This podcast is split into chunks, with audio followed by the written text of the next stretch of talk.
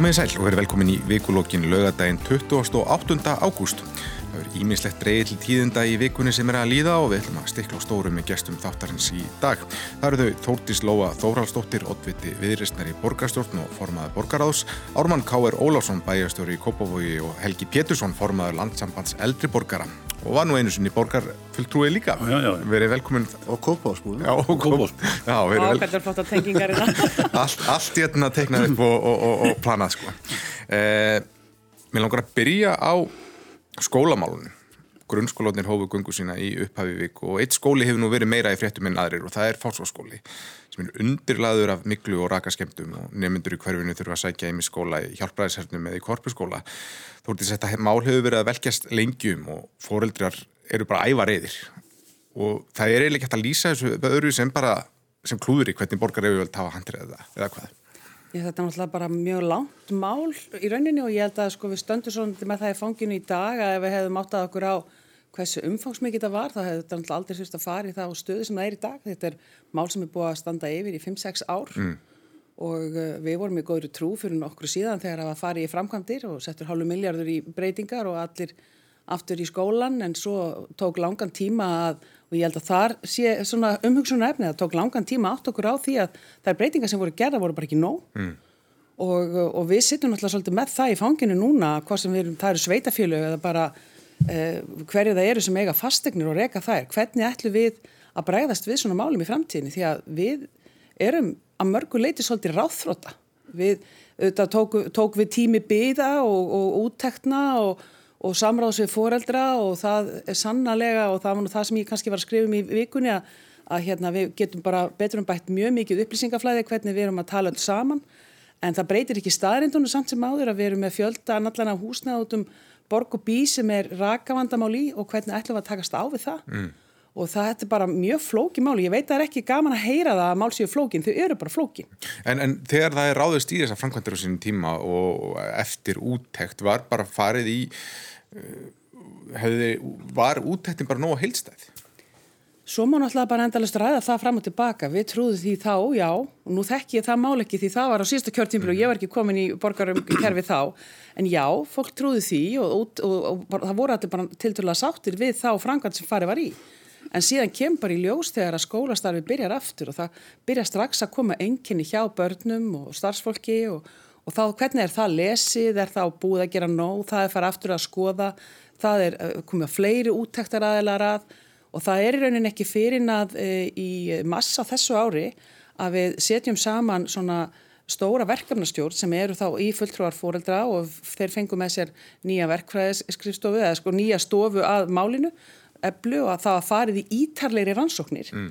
og það er þá bara í vor sem kemur í ljós núna bara þetta vor að, að í rauninni eru rakaskemdir og vandi ennþá að, að því uh, þeirri stærðagráðu að það verður bara fara í allsherja uh, úttækt á skólanum eða í rauninni bara allsherjar endurbyggingu á skólanum mm. Mm. og við erum á þeim fasa núna allir, uh, all börn fóri korpuskóla í vor og voru þar, við áttum það húsnæði Svo var, var, var sko, það skoðað hvað ætti að gera fyrir yngstu árgangana og í samræð við fóreldra var reynd að leita leða til þess að þau getur bara verið í dalnum, í fósfársdalnum og, og þannig að fyrstu til fjóri bekkur er þar mm. en, en eldri krakkarnir verða í korpsskóla í allan vetur og það er alveg ljóst að við erum að fara í, í gríðarlega framkvæmdir við fósfórskóla. En er þá hjálpræðisherrin, er það þá tímabundið úræði?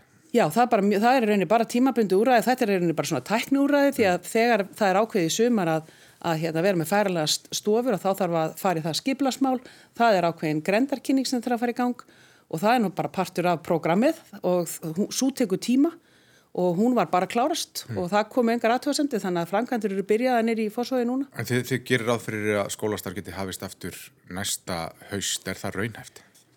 Ég ætla nú bara að segja sem minnst um það. Við erum að vinna bara samkvæmt ákveðinu plani e, og þá er, þá er talað um næsta haust, mm. sko hausti 22.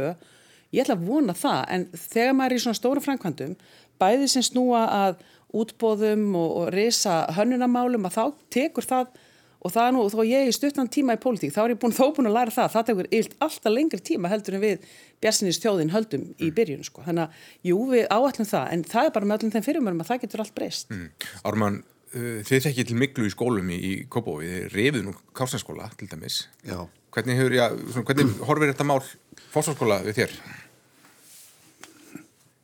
Já, ég held að það sé alveg rétt sem Þórdís sló að segja að þau fá ranga greiningu í byrjun en uh, síðan hvað tekum við í kjölfarið? Ég uh, kannski mynd, vil ekki vera að dæma aðra en uh, það sem við höfum gert í þessu hjá okkur, busið frá Kásninskóla við, það er ekki eini skólinn sem við komum mikla upp í.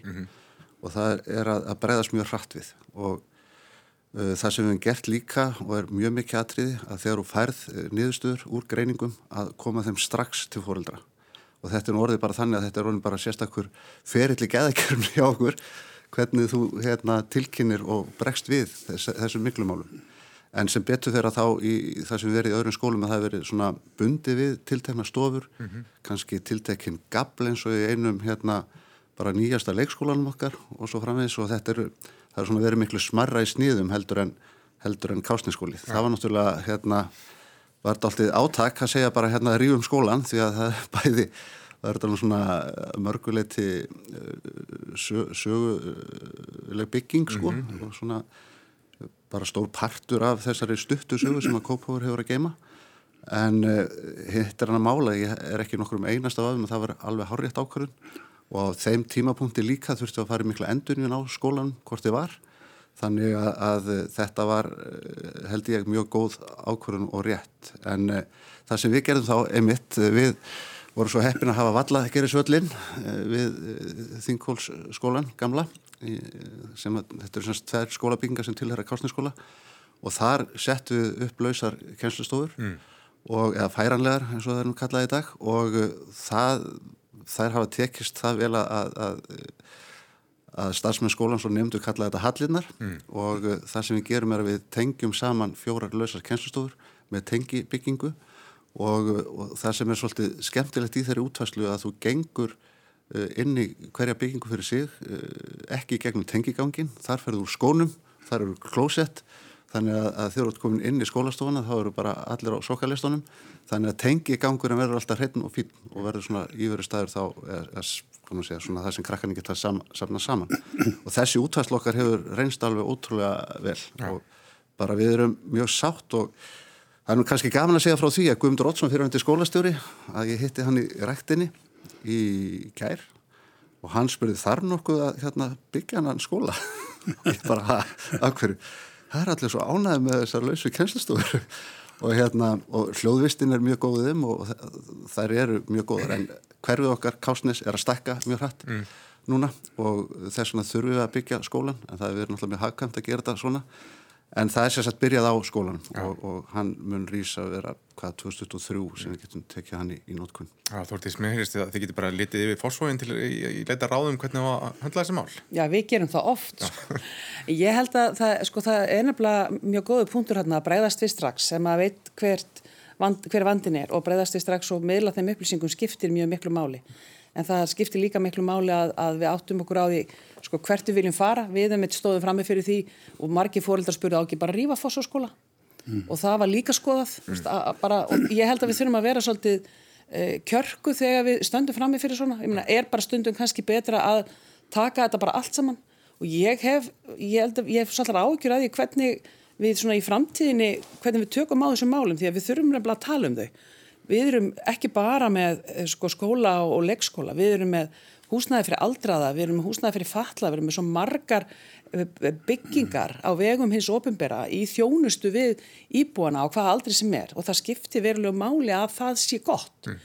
og svo þegar við erum að tala um raka og miklu og þá vitum við það, það er gró allstaðar og það er alltaf raki. En hvar, hvar, hvar verður þetta vond og hættulegt og hvar ekki? Og þetta við þurfum að skerpa línuðan þarna og mér finnst mikilvægt að, og við borginni finnum það bara mjög, við erum með gríðalega mikið húsnaði undir og við fórum í það núna að reyna, ok, búum okkur til einhvers konar verkaállin og ferli það sem, bara, sem kikkar í gang og, hérna, og er bara svolítið, vinnur svolítið hrætt og vel.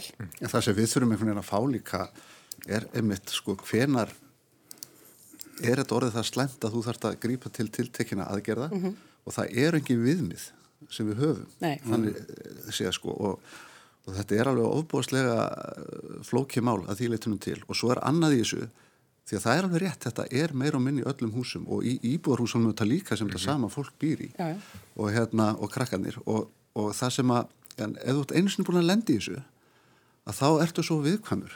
Og, og við höfum haft starfsmann sem kom inn í nýlega skólabyggingu hjá okkur og hann lappar inn í tiltekna stofu og segir, hér er mikla og við vorum að, að færa hann til inn í þennan nýja tiltöla nýlega skóla út þegar við vorum svo örug með hann. Mm.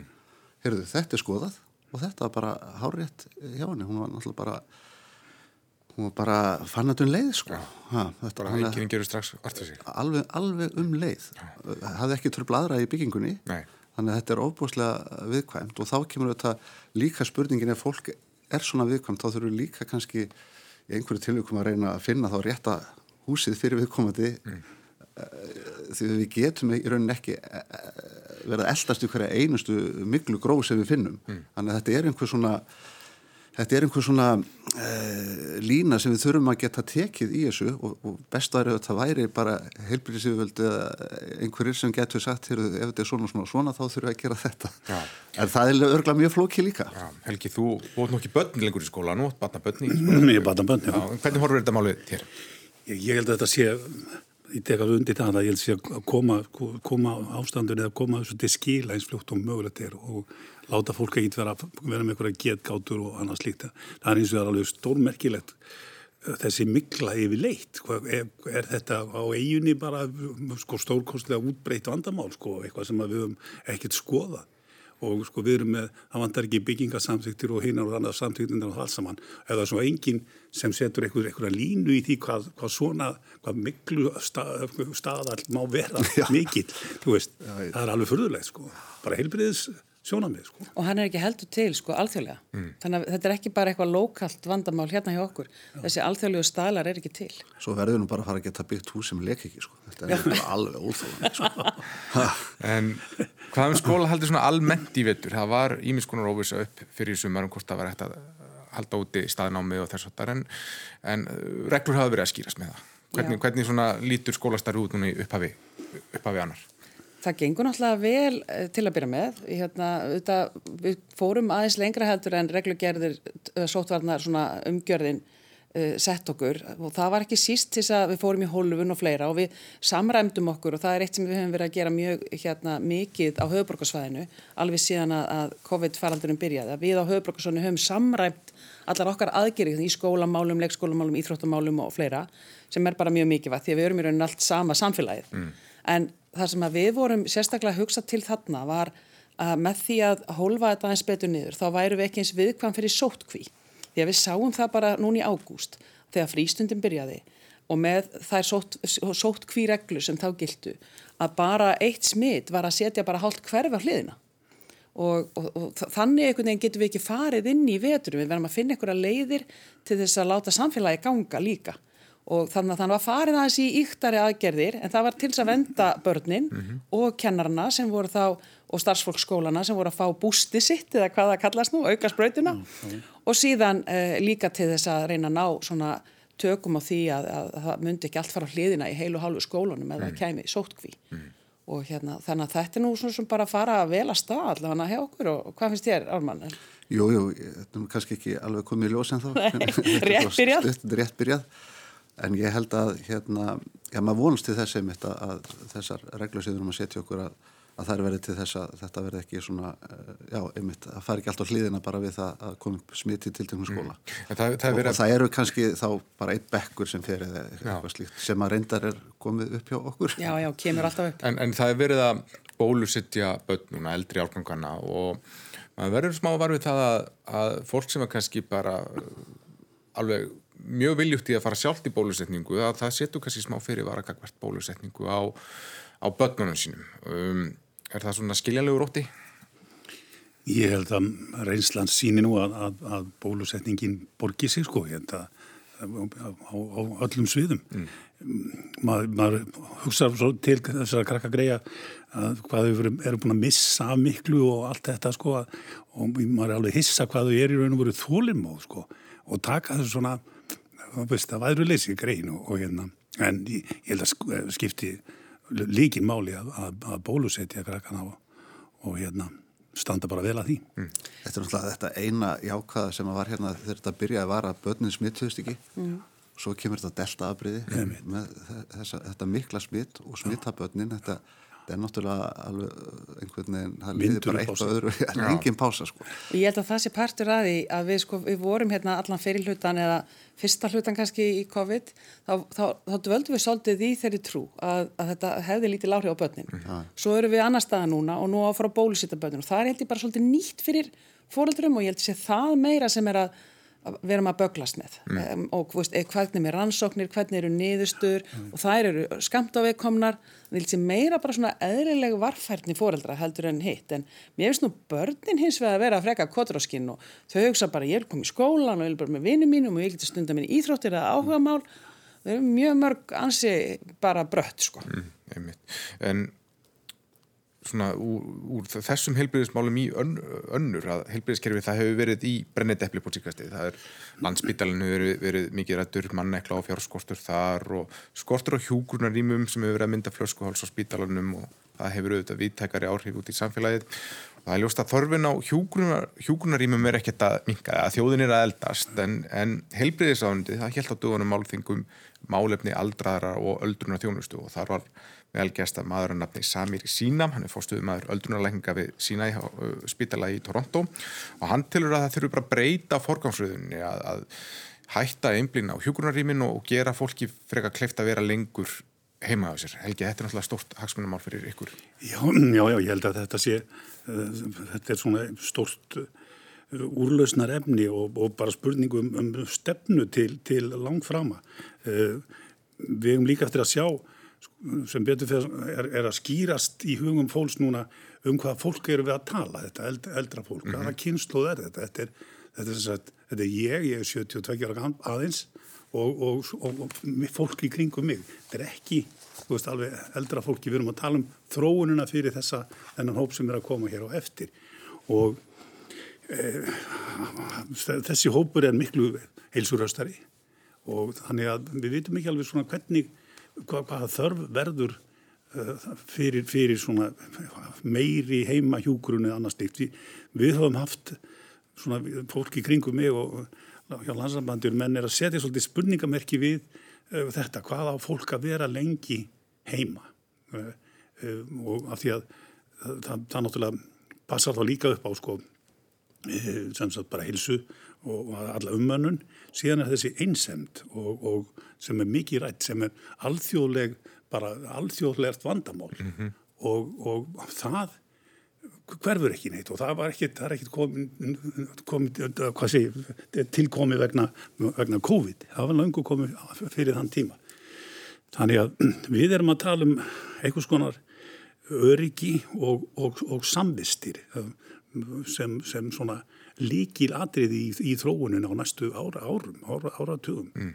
og bendum þess vegna á að, að sko það, það vantar millistig, búsætustig á milli heimilisins og hjógrunarheimilisins og, og hérna, það á að vera líka bara svona svolítið gladlegt og, og, og skemmtilegt og þetta, þetta stig, ég held að við erum að, við erum að reyna að, að, að draga það líka fram að sko ellin er ekkit sjú, engin sjúkdómur mm og við, þetta er bara að vera hipp og gúl og bara gaman sko. Þessi, þessi tíma, þessi ár sem að maður á frá, frá núna til, til kannski þá svona að hallundar fæti. Og maður þarf á hjúgrunarheimili að, að halda. Að það sést bara gleði og þáttaka og, og, og þessi hópur fái bara að vinna og, og ef hann vil vinna og ef getur unnið og einhver, einhver vil hafa hann í vinnu og allt það.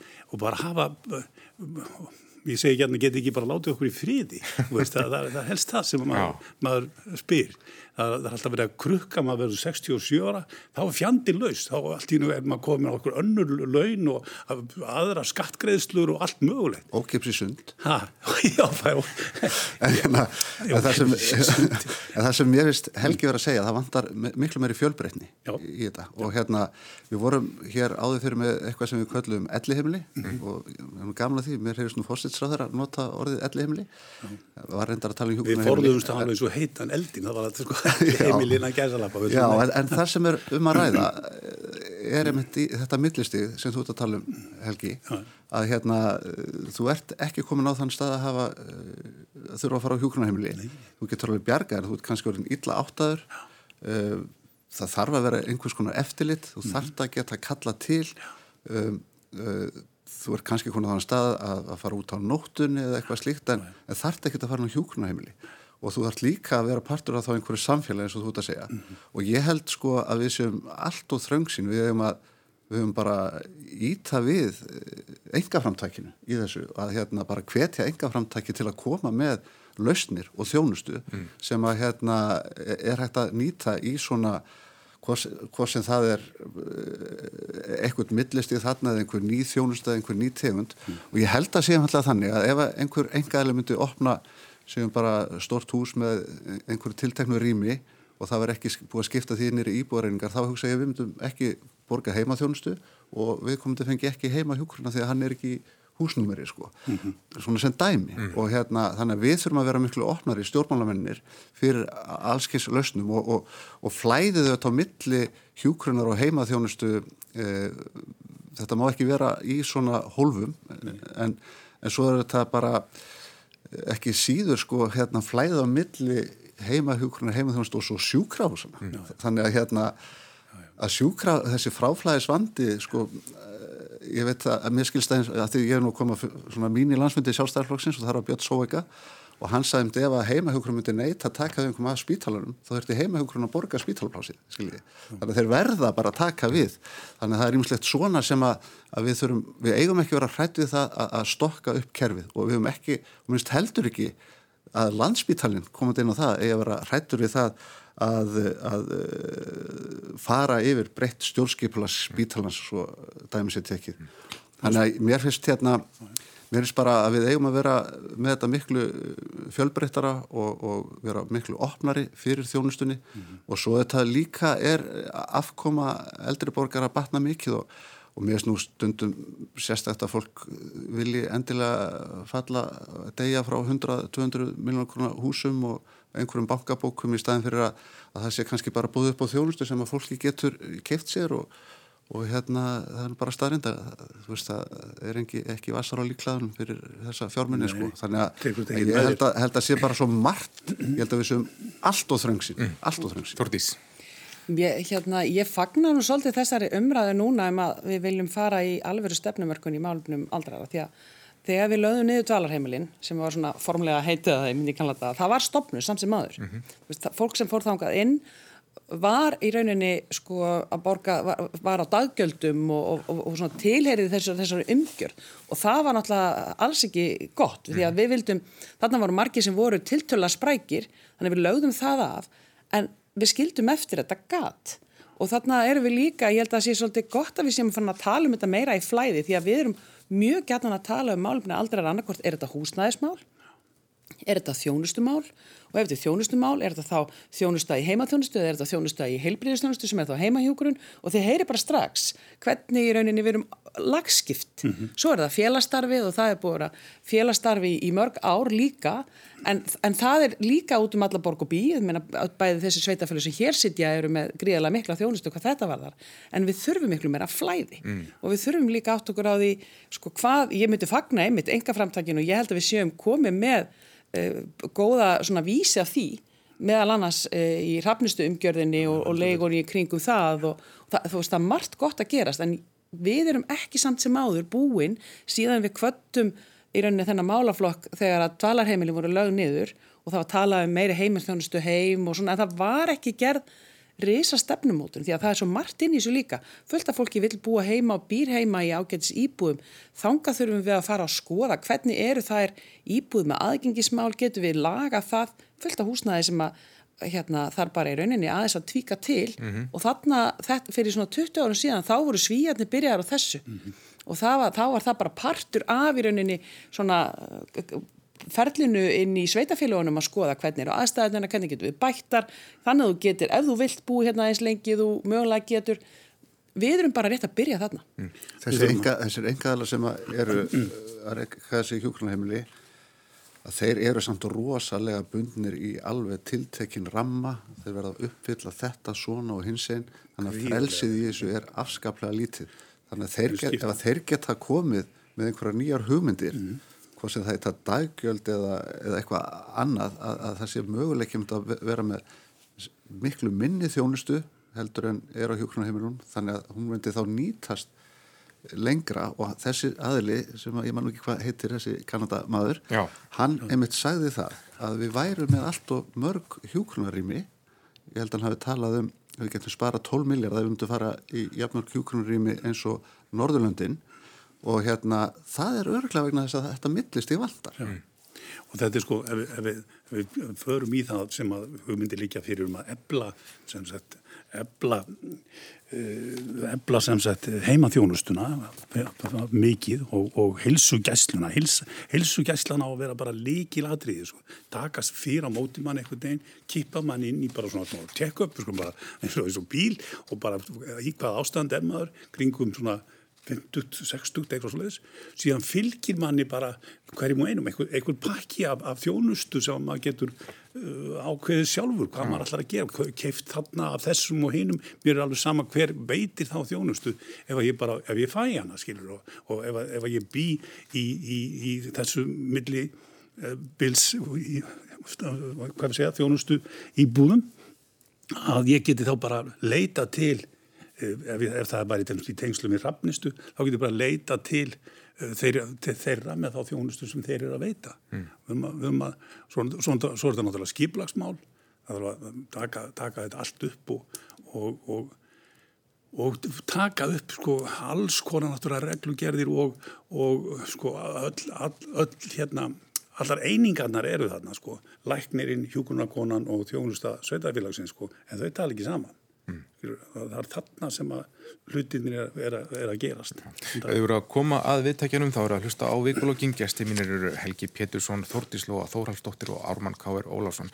Helgi, um, þú ert að berjast fyrir uh, hagsmunum eldriborgara og maður heyrði stjórnmálunum að það er talað um að það sé verið að þegar fólk verður sjötugt þá sé það bara dæmt til fátaktar og dregin uppstundur svolítið nöturleg mynd af uh, hlutskipti aldrara á Íslandi en, en bara eins og ég er með tilkynningu frá, frá stjórnarnáðunum frá því í mars og það sem segja bara, herðu, eldriborgarar hafa það bara fínt, þeir eru bara vel settir, eigin húsnaði, skuldalítið, tekjur til þeirra að hafa hækkað, það er bara gott að vera gaman á Íslandi. Já, Já, þetta er mynd sem að þeir draga upp og, og við erum bara með aðra, aðra mynd og mm. sínum hana líka. Sko. Það, það, það getur vel verið að sko, lífeyri hafði hækkað um 4,5% eitthvað svo leiðis á einhverjum 5-6 árum og við getum nefnt eitthvað svona prósentutölur en, en kostnaðu við að bara að lifa lífinu hefur líka hækkað. Mm. Og, og bara, þannig að, að það getur sig upp. Sko. Eh, það eru hafðir, það, eru hafðir, það kom fram í þingjuna, það hafðir að af eldra, eldra fólki 45,5 miljardar króna í, í skerðingum á árlega. Það kom, svo tala kom loksins fram. Hvað er þetta mikið sem verður að taka af, af lífeyri eh, eldra fólks og það munar um minna og hérna e, síðan þessi sko, mannum við gert þetta allt svo erfitt bara það eru er, skatlaðar sko lífeyristekjur. Við mögum ekki vinna með, með, fyrir meirinn hundraðsum kall og alls konar svona hlutir. Við mögum vera að appast upp á, upp á þennan þetta, þetta fólk með, með alls konar svona reglur og, og, og hlutir sem að maður skilur ekki okkur það er vendilega að hengja á, á okkur. Mm. Ármann, þú, þú ert í flokki sem, sem stendur fyrir frelsi og... Já, sko ég hérna Já, ég eh, ætla nú bara aðeins að fá að tala frá hjartan í þessu, ég, eh, og ekki fyrir flokkin, en hérna, ég, bara, ég veit nú ekki hvort að móðin er að hlusta, en hérna, ég á semst fóreldra sem að eh, er nú ekki búin að vera háluna fólki gegnum tíðan og alls ekki, og, en, en þau segjast bara hafa mjög gott mm. og þau eiga skuld lítið hús en ekki skuldlaust. Mm. og hérna, og ég held nú hann hafi eh, gengið svo langt að segja að við hefum sjaldan haft það gott sko. Mm. og hérna og þau eru eins og ég segi þetta er þau eru alveg öruglega dæmiger fyrir fólk sem er á lærri endanum í þessu öllu saman. Og hérna e, þannig þetta er nú bara það sem ég þekkjur einn ranni. En svo er aftur hitt sem að, að ég á svolítið erfitt með að skilja líka. Þegar við setjum upp lífyrsjóskerfi hérna á sínum tíma segjum að þetta sé til að bæta við og eigi ekki að skerða það sem kemur frá ríkinu. Mm þá, þá voru við með allt, allt öðruvissi greiðslur inn í lífyrsjóskerfið. Núna eru prósentunar búin að snarhækka, þær eru öll, bæ, hjá, hjá þetta okkur sjálfum en atvinnu greiðandin, að, þeir sem að hérna, uh, atvinnu veitandin, hann er að borga mjög hátt hlutfall inn í þennan sjóð líka. Núna er þetta af öllum uh, launum yfirvinnu líka sem var ekki áður ef ég kann þetta rétt. Mm. Þannig að framlæð inn í lífyrsjóskerfi er svo miklu, miklu meira heldur en þessi hugmyndafræðin fór uh, af stað með. Síðan hérna er annað að gerast að þjóðin er alltaf að eldast og það er alltaf færri og færri sem er að standa undir uh, hérna, uh, samfélaginu mm -hmm. og fleiri og fleiri sem verða eldri og ef að þeir hafa rosalega, eða bara ágættis lífyrsjóð, af hverju á þá uh, verkamæður en að vera að borga þessum með góða lífyrsjónum fjö úr ríkisjóð ég, þú veist, ég er bara ég er bara ég bara pínað þarna. Og hérna, og mér finnst ekkert óveðilegt við það að þessar skerðingar séu. Og hérna, ég veit að það er ekki verið að segja afnum alla skerðingar en ég held að við séum alveg á ágættis stað með þetta með það sem áður var. Mm. og, og þannig að að þessi gamla hugmyndafræði e, þegar lífisvarskerfi þjóra stað, hún bara á ekki við lengur, mm. finnst mér og við talum ekki um eh, fullt, fullt af hérna til dæmis sem er náttúrulega ákveðið líka eh, verður hugsanlega vandamáli framtíðinu, það er hvað sömur er með miklu betri lífeyrissjóð en aðrir að þeir vinna hjá hennu opimbera sem dæmi. Mm -hmm. Það er nú svona það er önnur umræða. Já, ég ætla að lefa ekki Helga á þannig að sko, klipi þér að þorkist. Þú ert að tala um ólík kerfi. Ég er, ég er sem sagt, er ný, segja, ný, ný hættur að, að vinna, getur sagt á, á því tímabili. En ég kemur ófullbúnu lífeyrissjóðskerfi. Það er ekki full þróskað þegar, þegar þú fara á lífeyri og því, þínir jafnlandar, þá, þá farið því haldið nokkur, nokkur negin bara sömu launum áfram. Það, það, er ekki, það er það sem við erum að tala um. Það er þessar skerðingar, það er hitt okkur svo illa fyrir á þessu byli. Mm. Já, þetta er alltaf spurningi hver á að byrja að skerða. Það er náttúrulega bara skatt, þetta er náttúrulega bara skattur. Mm. Þordís? Ég er svolítið samála helga þarna. Ég, ég held að samfélagi græði meira því að minka skerðingarnar því að sko við, því, því betra sem að eldra fólk hefur það, því því rauninni betra að það fyrir samfélagið allt. Bæði hefur það náttúrulega áhrif bara á sjóðströmmið inn í ríki, ríkiskassan hinum eginn frá. En mér langar líka að taka vinkilinn sko þjónustan og þessi umgjörði í kringum uh, hópin. Sko það er svo margt í þessu. Þetta er náttúrulega frábæra máluflokkur til að taka marga útastættu um. Mm -hmm. Ég myndi byrja á því að segja af hverju óskupunum eru við að skilgræna aldraða svona sem bara eitthvað sér þjóðfélagshóp. Þetta er í rauninni mjög skrítið. Frá 67 og upp í 100, þetta er ód, hugsið ykkur kynsluðabili sem er bara innan þessa hóps og við tölum um það sem einn hóp. Það er í rauninni í grunnprinsipinu galið finnst mér, ef ég má. Og ég væri brjál. Og er oft brjál. Ég var að vinna í áratögu í öldrunarþjónustu í stjórnun öldrunarþjónustu og mér hefur alltaf þótt þetta ótrúlega skrítið. Við, við, við hendum fólk í boks búin til allskynns lög og reglur í kringum það sem tala síðan ekki við restina af samfélaginu. Og þess vegna nota ég orð flæði á þann því að mér vist við erum bara sem fólk í flæði sem lífsaldurinn kemur inn með okkur. Mm. Við bara, hann hækkar og það er ekkert öðruvísi við mig þegar ég var 45 eða 55 en þegar ég er síðan 65 eða 75 þá er stórkastluðu munur. Skilji, það er bara áratur. Þetta finnst mér í rauninni grunnurinn af vandanu sem við erum í. Það er þessi boksa skilgreininga vandi en svo langar mig að koma inn á svona það, það, er, það er þjónustan, það er þörfin, það er að gefa í og taka úr svona svolítið svona bensingju, stundu þar í mikla þjónustu, stundu þar í litla, alveg eins og þegar ég er bara vennuleg manniska á færtusaldri og þarf hjálp út af einhverjum sjúkdómi og svo þar ég fimm áru setna hann ekki, menn mm. það er alveg eins með sko aldraða líka eða eldra fólk. Stundum það er mikla þjónustu, stundum litla það er í recovery eftir kannski eitthvað bimbrót þannig að það er ekki eitthvað eins og það sé bara alltaf stöðu ingjöf og alltaf meiri meiri þjónustu sem kostar meiri og meiri pening. Þannig að mér finnst þetta svolítið mikilvægt. Ég, ég sé bara frá því að ég var að vinna í öldrunamálum og í dag að hópurinn er gjör breyttur hann er miklu frískar eins og Helgi kom inn á áðan hann hefur átt betra líf í rauninni líkamlega, hann er ekki að strita eins mikið. Þegar ég var að sjá eldriborgarna sem komu inn á, og ég var að stýra öldrunarþjónustu borgarinnar um áratug. Og þá sáum við hópa koma inn sem var bara mjög þreyttur og, og lúin líkamlega.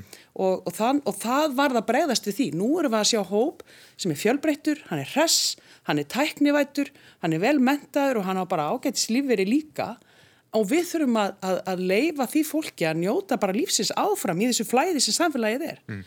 Uh, Helgi, verður ekki varsamt við að, að við þorfum nýra að breytast, þannig að 68 kynnslóðin er nú svona að, að komin á þannan aldur núna og hún er nú verið frekli fjörsins undanfartar áratögi og heldur því áfram, vantarlega. Jú, ég held að það sé alveg, alveg klárlega sko, þetta sem að, að þóttu svo að segja sko, þetta er, þetta er alveg lýsing á, á, á hópnum og auðvitað er það, við erum, sko, við erum öll margbreytileg og þetta er alveg, þetta er alls konar fólk náttúrulega við alls konar aðstæður og, og hérna, en það er samt að, held ég að verða til svona ákveðin ímynd af þessum, af þessum hópi og, og uh, það verður bara gaman að sjá hvað kemur út úr þessu. Það, það er augljós, sko, ég segi fyrir mig að maður horfir fram á við, eða svo sett, lengra fram í framtíðin og, og ég segi, heyrðu, þetta líst mér ekki dá, þetta ætla ég ekki að fara í, sko, það er það, er það sem er í raun og veru kvatina því að fara að gera, að gera þessar breytingar, fara í, í fjölbreyttari uh, búsetúræði og alla þessa luti og taka, taka laugin upp og alls konar samþyktir sem að, sem að, sem að gilda um okkur umfram aðra þjóðfélagsópa og það að, einmitt að ég get líka svara þessum álmann var að segja á þannig að fólk hafið það hafið það gott sko, það eru sumi sem sko, erum, þessi hópur er náttúrulega þetta er, fólki sem náttúrulega við lendum auðvitað öll í verðtryggingunni og alltaf svo höfum við sagt sko, það, það munar svo ofbáslega litlu á þeim sem að sluppu í gegnum verðbólkuna í, í, í, gamla daga mm. og, og sluppu þannig með sínar egnir í gegnum, það er, heil, það er heilmikið af, af, af fólki í, á, á mínum aldru í kringum mig sem á ekkit eh, neina miklar egnir og það er bara skuldsett eh, verðrygging, guðmávita hvað námslán, allt mögulegt allt, allt öðruvísi hegðun heldur en var hjá þeim sem eru bara örlítið eldri. Mm -hmm. það þarf ekki að muna neitt svo miklu. Mm -hmm. En að því að nú, vittni, fólkdra mín ég vonaði fyrir ekki að mér, þau lendu í miskenginu sko. Já, já. já Svo voru bara einhverju aðrir sem að voru já, bara tóku lánin einu, tveimur árum fyrr, þá voru þau ekki vertrið og þarna var alveg stórkostluð munur. Ótrúlega. Og alveg ótrúlega. En, en mér langar samt sko að því að ég kom svona brattinn í þetta að hins vegar eða þú ert eldri borgari með eh, ekki háan lífur í sjóð mm. og átt ekki svo til skuldlösa eign þar til að vera á leikumarkaði það er hópur sem hefur það mjög slemt ég vil nú undirstrykka það Einmitt. Uh, það eru ekki hann allir og allir að, það þarf að gera eitthvað í því Við langar að fara yfir í allt aðra salma. Uh, eitt mál sem sprakka eiginlega út í gær eftir að hafa verið kræmand undanfættan vikur eru málefni KSI og Karla landsleisins í fókbólta sem hafa verið svona Já, ég brennið eppli eftir að Gilvi Sigursson var handekinn í Breitlandi, grunar um kynferðisbrott gegn barni. Það hafa gengið sögur um ofbeldi fleiri leikmanna, en á 50 dag þá kom Guðni Bergson, formaður KSI í Kastljós og sagði að tilkynningar um kynferðisbrott hefði ekki komið inn á bortil sín. Í, í gærsteg hins vegar fram ungkona í fréttum og greitir frá því að hún hefði fengið miskabrættur frá landsleismanni uh, sem reyðist á hana, greip meðal hans í klófið á henni og það með milligöngu KSI, þeir höfðu möllugangum um, um, um, um þessar miskabætur og Guðni hefur sagt að ummalinn í Kastljósi hafi verið mistök en já, þar fórist að KSI ekki núna ganga bara gera hreint fyrir sín dyrum. Ég held allavega að fórist að KSI sem er stort verkefni fyrir höndu núna, bæði að taka samtalið hjá sér og líka, ég horfið einmitt á þetta einsla hérna Rúvíkja er með Guðna og ég held að það skipt, þar talaðan um að, að það þyrti að uh, við mann rétt eh, fara í fræðslu og fleira en ég held að þetta kalli á miklu meira, ég held að þetta kalli á við þurfum bara alveg áallinu um það hvernig á þessari menningu. Eh, það þarf að taka svona mál förstum tökum og alvarlega og við erum að sjá, þetta er ekkit fyrsta málið og KSI er ekkit eina íþróttarhefingin. Við vitum það alveg, þetta hefur komið upp annar staðar á undarförnum áratugum og, og það hefur oft verið kyrt svona undir teppið og einhvern veginn að þetta eru erfið mál og þau eru flókin En ég, ef það er eitthvað sem við erum að læra á núinu í þessu, það er það að við verðum að trúa þólundum og við verðum að hlusta þá. Þetta er rauninni alveg að nákvæmlega sama við tölum í miklumálunni rétt af hann þegar, þegar að fólk tala mér líður svona, mér líður svona, þá þurfum við að trúa því. Nú þurfum við að trúa því sem er verið að segja við okkur því að við vitum, að, við vitum tölfræðin í þessu, við vitum mhm. tölfræði í ábyldismálum og það er brota brot af fólki sem er að ljúa upp á annað fólk ofbeldi, það er bara ekki þannig. Þannig að ef að við erum með yfir vel yfir 95% af þeim sem að verða fyrir ofbeldi segja satt, þá hefur við að trúa. Konan sem stegi fram í frettum í gær, hún saði að, að þrátt fyrir þetta mál hefði komið upp og bara verið viðkjönt að, að, að hefði átt sér stað að þá var maður, eftir sem maður valin áfram í landsliði, getur, ég meina, treystir þú fórustinu til þess að leiða þessa viðhórsbreytingu sem er nöðsynlega þínum mandi? Já, ég myndi spyrja mig af hverju hefa ekki gjörðir afleðingar mm. og þarna eru menningu að ræða, finn, get ég ekki betur séð. Uh, við erum að, það með oft heirt talað um búnisklefa talið og þetta sé nú bara grund á því en það er ekkert grund á því þegar að menningin er þannig að þú leiðið er bara hreinlega að lappa mannesku ekki einni heldur tveimur á veitingastæð og grýpa í klófið á henni og taka hálstakki, hvað er það? Mm. Og er við bara samþykja svona hefðun? Mér finnst það alls ekki. En við þurfum náttúrulega bara, þetta er ekki, þetta er ekki bara eitt vandamál, þetta er mál sem við þurfum öll að takast á við og í öllum krókum og kemum. Og við höfum, þetta hefur verið rætt í stjórnmálaflokkum, þetta hefur verið rætt inn í hagsmunasamtökum, meina hún er öll undir og ég kem sjálf úr Íþróttarhefingunni uh, og við, bara, við, við verðum bara viðkynna vandan að það þýðir ekkert að vera í vörð, nú þurfum við bara að fara í sókn og við þurfum alveg plan. Mm. Ármann, þetta eru, þetta eru menn sem bara þjóðin hefur borið á höndum sér hilda og þeir hafa unnið frækin afreg í okkar nafni út í heimi. Meina, það þarf að gera ríka kröfur til KSI og, og, og landsinsmann ekki sætt. Jú, jú, ég held að það sé alveg á hreinu og get tekið undir það sem Þórtís Lóðar að segja hvað það var þar. Og svo aftur hitta þegar eitthvað kemur upp að þá þú reynda taldi þetta ekki upp í, í gær þegar þú sagðist Nei, þetta, þetta kom nú svona upp í, í, eða svona þá sprakk þetta nú út. já. Ég, Þannig að ég sá þetta ekki sko. En, hérna, en ef það er þannig að, að menn stíga uh, fram og, og greina ekki rétt frá mm. Uh, þá held ég að það sé Guðinni segist ekki hafa munað atvikar lýsinguna rétt og þess vegna hafa hann orðið á þessi mistök en við verðum auðvitað að gefa hann það sé að að í því en hérna eh, en þá er það bara eins og með okkur stjórnmálamenn þá þurfum við þurfum svolítið kannski þá að vinna heimavinna áður en við förum í fjörmila því að það er hérna það, það er svo slemt fyrir framhald málsins ef að fólk hefur á tilfinninguna það sé ekki eh, KSI sé ekki mjög að reynu hvað er búið að tilkynna inn til þeirra og hvað ekki. Mm -hmm. þannig að hérna eh, að það, það er bara að verka vinna í þessu öllu saman. Já, Helgi. Svolítið skrítur og glæð fyrir hýna í landsliðinu að upplifa þessa stöðu, hvernig líður þeim sem ekki hafa gert neitt af sér og mæntalega og hérna, ég var svolítið hugsað til, til þeirra að, að, að fá segja, þessa sendingu inn í landslýshópin þrátt fyrir allt sko. Og men, ég held að menn verða að taka á svona lög, það er ekkert eftir að láta þetta matla sko. Mm. okay. Aftur í, í aðrasalma og annað sem var komið á, á dagskrafi gæra þegar ég heyrði ykkur en, en það eru þessar blessu samkómungu takmarkanir sem var, já það var slakað aðeins á þeim í vikunni. Það er sé líkamsættastöða með að vera fullar og það er engin, engin nándar takmörku á, á íþróttaleikjum og menningaviðbröðum en samt sem aður 200 manna samkómu takmarkanir í hólfum en afgræslu tími veitinga og skemmtist að það er ennþá á skertur og maður heyrir að menningagerinn tekur vel í þessar breytingar en, en veitingagerinn síður og þetta er auðvitað stórt mál fyrir Reykjavíkuborg og, og allir þá flóru veitingastað og, og sem, sem, og veitinga manna sem eru starfandi þar. Já, þetta hérna, er svona partur af því hvernig ætlum við að komast í gegnum veturinn saman í núverandi COVID ástandi. Ég fagnar náttúrulega gríðarlega því að við erum að fara að sjá menningun aftur mm -hmm. uh, fara á stað. Það er ótrúlega erfitt að horfa einhvern veginn á þriðja leikárið og svona menningar árið hefjast í svona gríðarlega miklum takmörkunum þannig ég held að við fagnum því. Svo náttúrulega er uh, svona miðborgarstemmingin og, og þessi tímamörk, hún er náttúrulega hún er erfið, ég skil það mjög vel hjá reksturræðilum, þeir hafa talað um það að þau að þessi klukkutími bara millir 11 og 12 mm. hann geti verið svona make or break ef ég má segja þannig hérna á, á rásinni, geti skipt sköpum þannig að ég, ég held að við þurfum að vera alveg vissi okkar sög en ég Ég ætla ekki að fara að deila við dómarinn hvað það varðan. Ég held bara að við þurfum svolítið að hlusta á svona þeirra ratti núna, þau hafa verið svolítið djúlega að koma sínu á framfæri, þau hafa sínt mikla ábyrð og eru til í að, að svona stramma sig af hvað var þar ímislegt inn í rekstrinum, nákvæmlega eins og sviðslýstina gerðu, síndu fram á það, mm. við getum gert þetta innan þessa ramma sem að svona samfélagi þarf í dag. Og ég held að við þurfum bara að skoða það í framhaldinu en mm. eðlilega eru við að við erum alltaf að hlýða sótvarnar yfirvöldum í þessu eins og öðru en það, það er þarna samt sem aðeins svona smá rými sem að gæti verið hægt að, að, að horfa til sem er þessi klukkutími.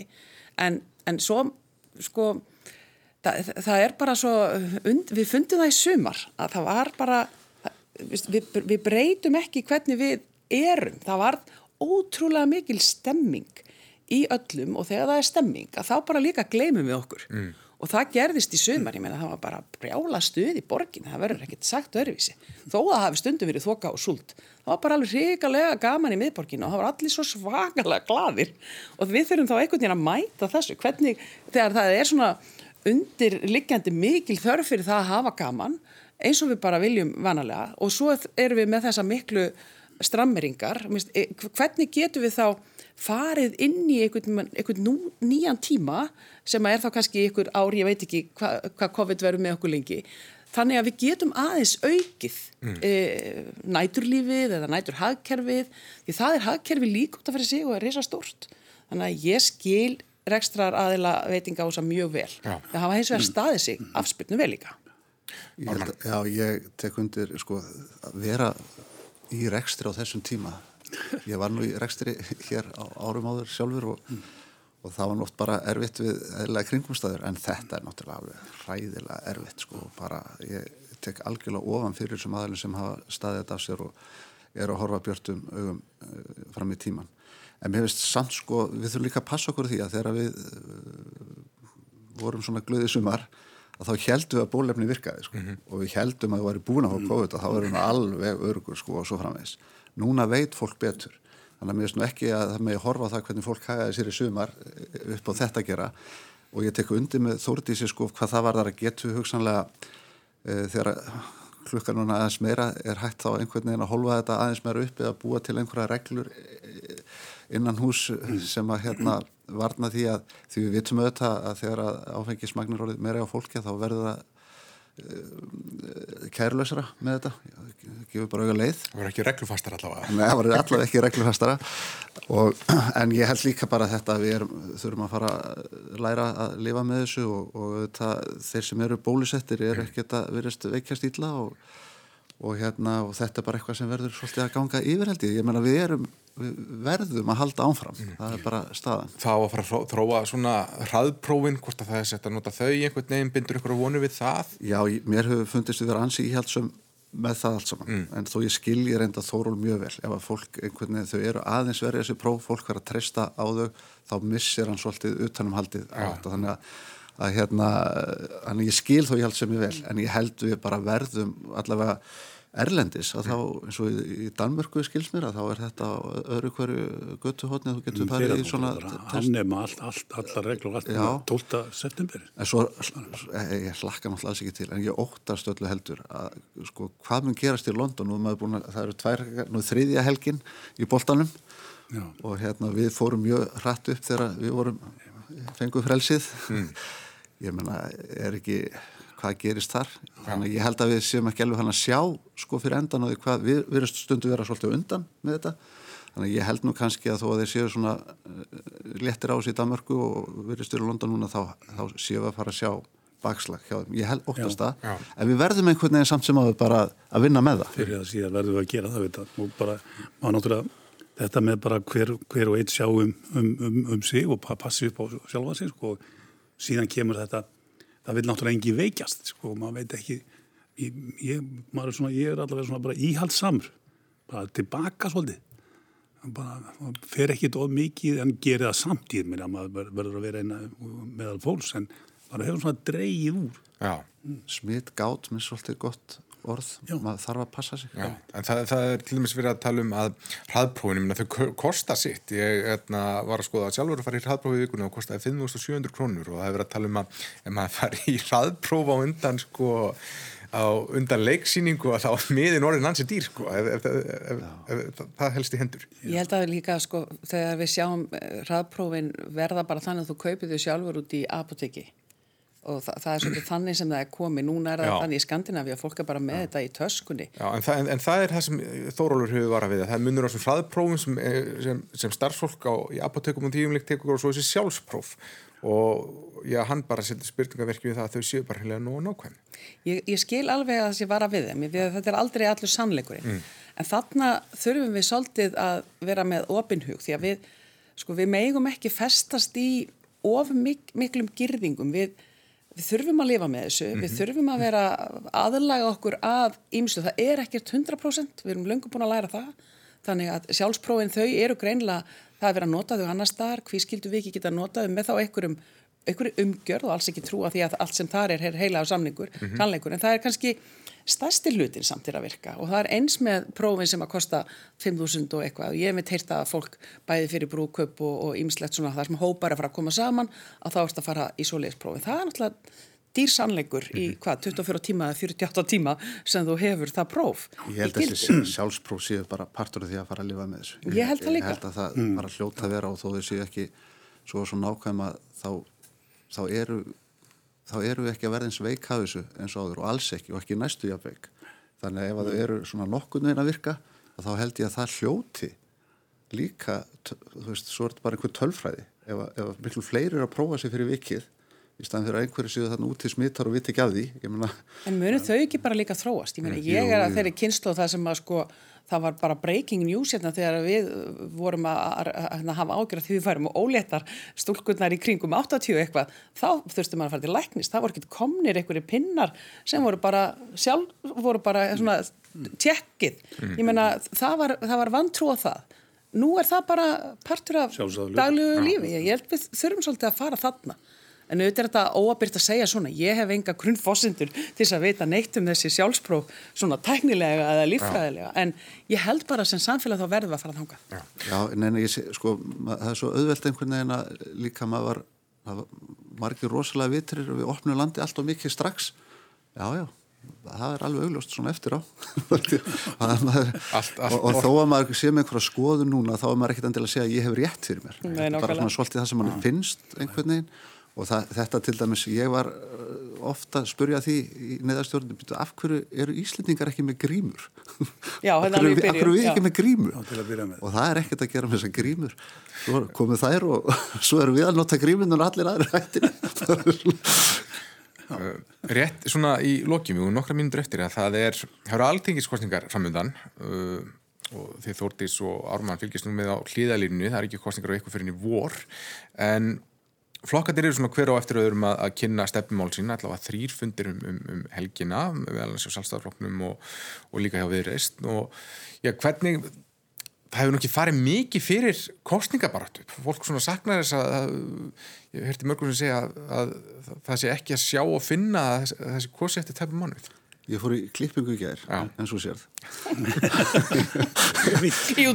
og það útvarfi. var aðal umræðefnin á rakkarstofunum var hvað menn voru fegnir að þetta væri stutt kostningabarta. Já. Þetta er bara mánur, það er alveg frábært að hvað þetta er stutt barátt og það var bara umræðan. Þannig að ég er nú ekki alveg sammálaðir að fólk sakni það svona mikið sko. Já, já. Og hérna tala ekki um þarna kostningarna 2017 þegar all, 17 ekki og 16 og 17 þegar var komið svo mikil þreita í þetta. Ma, maður gæti ekki verið talað við pólitíkun nokkur manna á þess að bara væri slögt á manni sko. Já. Hérna, en ég, ég er bara verið að segja eins og verið, ég hlakka til þessa mánuðar sem er framöndan og ég held að þetta verði bara mjög skemmtileg baróta og einmitt eh, er mjög ánæg með að hvað hún er snörp og, og ég sé fyrir mér eins og núna sjálfstæðarflokkurinn er bara fara ringferð núna um landið mm -hmm. að, fyrst að fólk kemst ekki á landsfund þá verður- verður flokkurinn að fara til fólksins og, og það verður örgulega bara mjög góð umræða sem að eh, flokkurinn mun eiga viðsvegar í sveitum og, og þorpum ringin í kring en, og með skilstaði byrjum hérna á höfuborgsvæðinu Já. Þannig að það er allir að setja í gýrin og við erum einmitt að koma svona mín í landsfundi og Þórtís Lóa Já. núna í þetta viðtal og förum svo aftur og eftir og Já. brettum upp ermar. Landtækifærin er yfirskriftinu ykkur og hvað, hvað, hver áttir yfirskriftinu Gefum framtíðinni tækifæri. Já, já, það er svona, Það er- það er útsala hjá auðlýsingarstofunum þannig að á slagorðum. Þetta er alltaf svolítið skemmtilegt þegar þetta gerist. Mér er gaman að þú segir að, að, þið sak, að þú sést að heyra það að það sé saknað sko, að það er kostninga Já, bara það, þann það er kannski bara fólki úr kjæftastéttunum sko, sem hérna, bladamenninir og þeir Já, sko. þið sagðu þetta. Sko við hefðum náttúrulega öll geta byrjað bara í vor Já. en ég held að allir voru nú saman um það að þetta er þið bara tekið eftir sumfrí Mm. og það er svolítið það sem, það er verið að keira í gang núna og já, það er landsing hjá okkur núna þannig að það er alltaf að fara að gera Sni. ég hérna var nefnilega fyrir norðan að, að, núna í vikunni og þar hitti ég frambjóðundur sem voru á faraldsfæti og þau sögðu mér að þetta væri allt öðruvísi e, kostningabarta, Mm. því þú getur ekkert bara mætt núna í mötuneytin eða allt þetta, allt svona þetta-. Já, allt þetta venjulega sem að pólitíkus að gera þennan síðasta mánuð, það er svolítið öðruvísi þannig að hérna, þar sem ég fór að hugsa, ok, verða þá ekki bara kapraðunar þá bara þeim er skemmtilegri og þeim er meira áhrif á, áhorf og þeim er meiri sko áhrif sem þær hafa að því að fólk er ekki að taka þetta samtal maður og mann. Ég held að þetta verði ferlega skemmtilegt. Ég segi eins og árma, mér hlakkar ótrúlega til og, og, og hafa þetta stutt og snart uh, er bara skemmtilegt sko Uh, Helgi, þið í, í hjá landsambandi eldri borgara, þið eru nú ekki í frambóði en þið hljótið eitthvað að vera að herja á, á frambjóðundur. Það tækifærið er núna. Já, það er eitthvað slagur. Það er glugginn sko, glugginn er núna Jú, auðvitað erum við að því og búin að, búin að senda og, og hitt, við erum búin að hitta alla tjóðmannarflokkana og, og, og leggja okkar, okkar hérna punktað fram og munum, munum við þetta fylgjast mjög vandlega með að búið lofa okkur gu- gull og grænum skóum sko og- og- æ ofan í æ og það voru sko jafnharðan verið svikið allt saman. Og, og hérna við ætlum bara að sjá til hvað gerist. En, en ég, eins og ég segi, ég held að þessi kynslu okkar hún, hún sko, ef það kemur ekkert í eitthvað stjórnarsáttmála eða neitt slikt sko af, af okkar málum þá held ég að hún sé ekki eins þólum og þessi kynslu eins og, eins og aðri, að, svo, svo eldri. Og þannig að það, það fari svona að, að rimja í, í liðinu Ég skildi ekki þegar ég er á fundum Bjarn og hann alltaf 10-20 atrið sem búið að standa við. Ég, Ég finnst ég að sjá hérna óþekkir eldriborgarar, það er fyrirsök sem að gæti verið skemmtileg. en, en þetta með, sko við erum hérna með þrjú slagur og tækifærin koma alltaf inn í þetta og ég held í rauninni sko það er alveg, það eru tímamót núna eftir þetta COVID og við þurfum að horfa til hérna ímsu tækifæra, alveg bussið frá því hvort að við erum eldri borgarar í hvaða flokki við erum og þannig eigum við Íslingar að hugsa og við erum náttúrulega svo ód, ég menna það hér býr eiginlega enginn en samt eh, hérna erum við með allar þessar auðlindir, allar þessar þekkingu, vísindi, tækni ég menna þetta, þetta eru þetta engin, engin smá forréttindi sem að við sem þjóð höfum og við verðum að sjá tækifærni. Skulum gera það að loka orðum. Kæra þakki fyrir komuna. Ármann K.R. Ólafsson, Þórdís Lóa, Þóraldsdóttir og Helgi Pétursson. Hafa gott um helgina og verið sæl. Takk fyrir.